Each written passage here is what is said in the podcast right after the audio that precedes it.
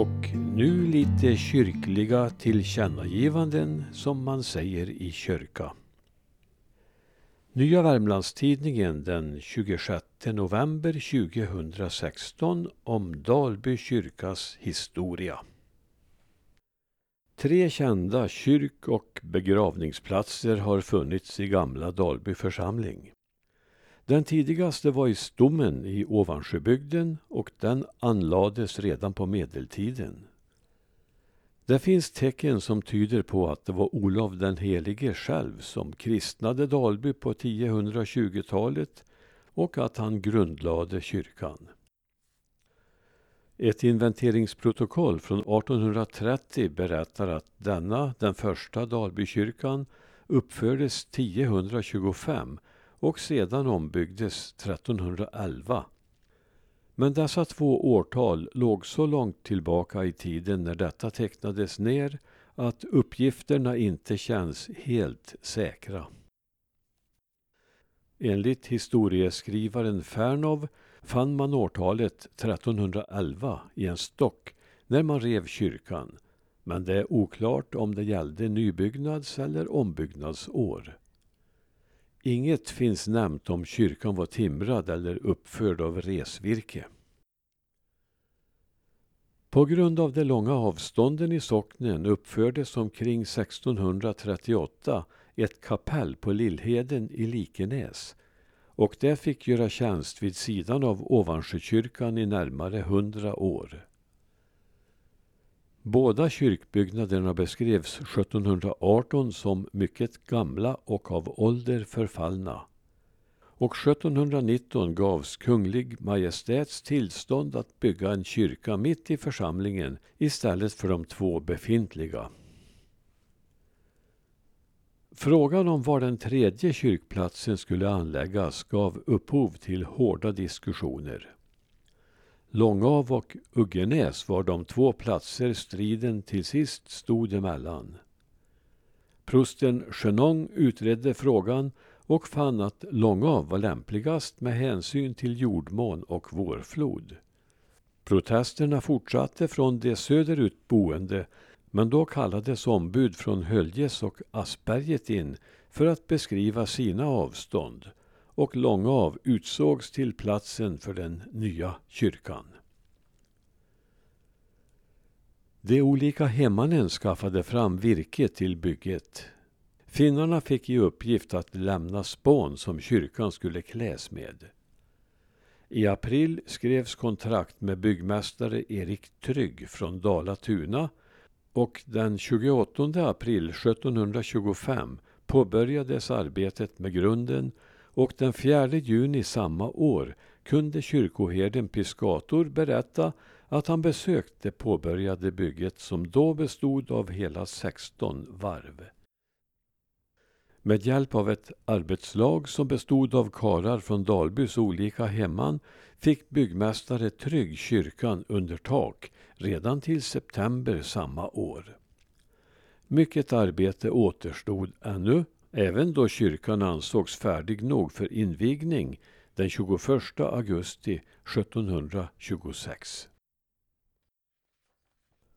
Två kyrkklockor hade då fraktats dit från Likenäs kapell och en från Ovansjökyrkan och en kyrkogård med en omkrets av 355 alnar hade stakats ut.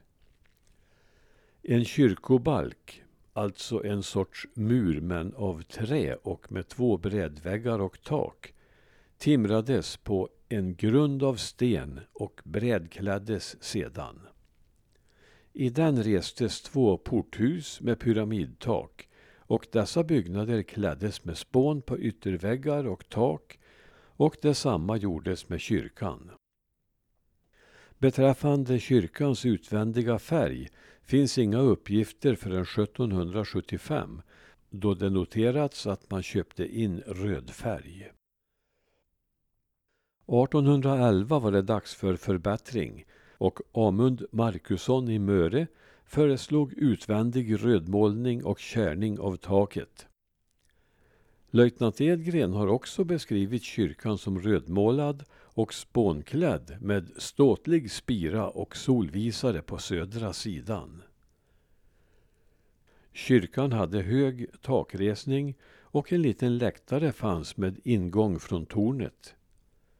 Till sakristian fanns bara dörr inifrån kyrkan och på motsatt sida, den södra, fanns ett vapenhus i samma storlek som sakristian.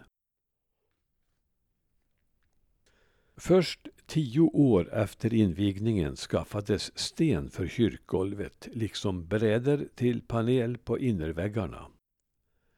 Då kunde den invändiga målningen börja. Den målning som skulle göra kyrkan vida omtalad. Konstnären hette Daniel Hjulström och kom från Linköping. Två år höll han på med utsmyckningen men mycket längre tid än så har minnet av målningarna levat. Flera beskrivningar finns men målningarna revs ner och skingrades när kyrkan renoverades runt 1860. Med grym realism var helvetet målat på den ena väggen och på den motstående fanns det lockande paradiset. Däremellan satt alltså församlingen och visste väl inte var de slutligen skulle hamna. I den paradisiska målningen vandrade de saliga omkring på en molnbädd med palmer i händerna.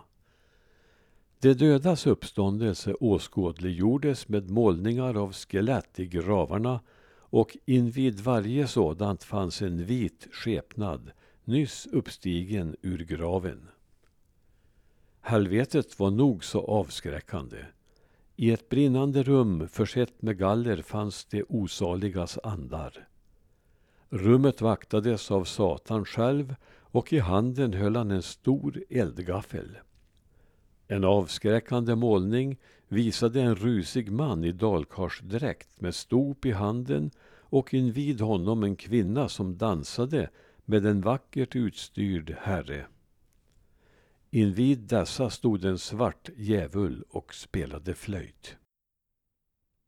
Över en flammande eld stod en trebent gryta och tjänstvilliga små hornförsedda djävlar stoppade i denna ner sådana stackare som inte uppnådde kraven på evig salighet. På sidorna av dörren till sakristian stod Jesaja, Jeremias, Hesekiel och Daniel och höll vakt. 1798 ansågs att kyrkobalken hade börjat förfalla. I och med att den reparerades utvidgade man också kyrkogården. 55 år senare var det dags för en ny utvidgning men nu sålde man på auktion ut både kyrkobalken och porthusen. Troligen blev en ny upprustning alltför kostsam. Ett enkelt ribbstaket fick ersätta. Men nu var det också så långt gånget med den gamla kyrkan att man började diskutera möjligheten att ersätta den eller bygga om den. Man kom fram till att kyrkan skulle byggas om och förändringen blev mycket stor. 1862 kunde Dalbyborna gå till en kyrka som till utseendet var helt olik den gamla. Av den rödmålade spånklädda kyrkan hade det blivit en både in och utvändigt reveterad korskyrka, vit som en brud enligt biskop Sundberg. Den har också beskrivits som en vit svan och finns avbildad på åtskilliga fotografier, även på några interiört. Tornet var detsamma, åtminstone stommen, som på den ursprungliga kyrkan. Enligt arkitekten och hembygdsforskaren Lars Bäckvall var kyrkan vacker till sina former, både in och utvändigt, men, som han skriver, svag till sin konstruktion beroende på att väggarna för större fönster och tillbyggnader är upphuggna. Så långt Bäckvall.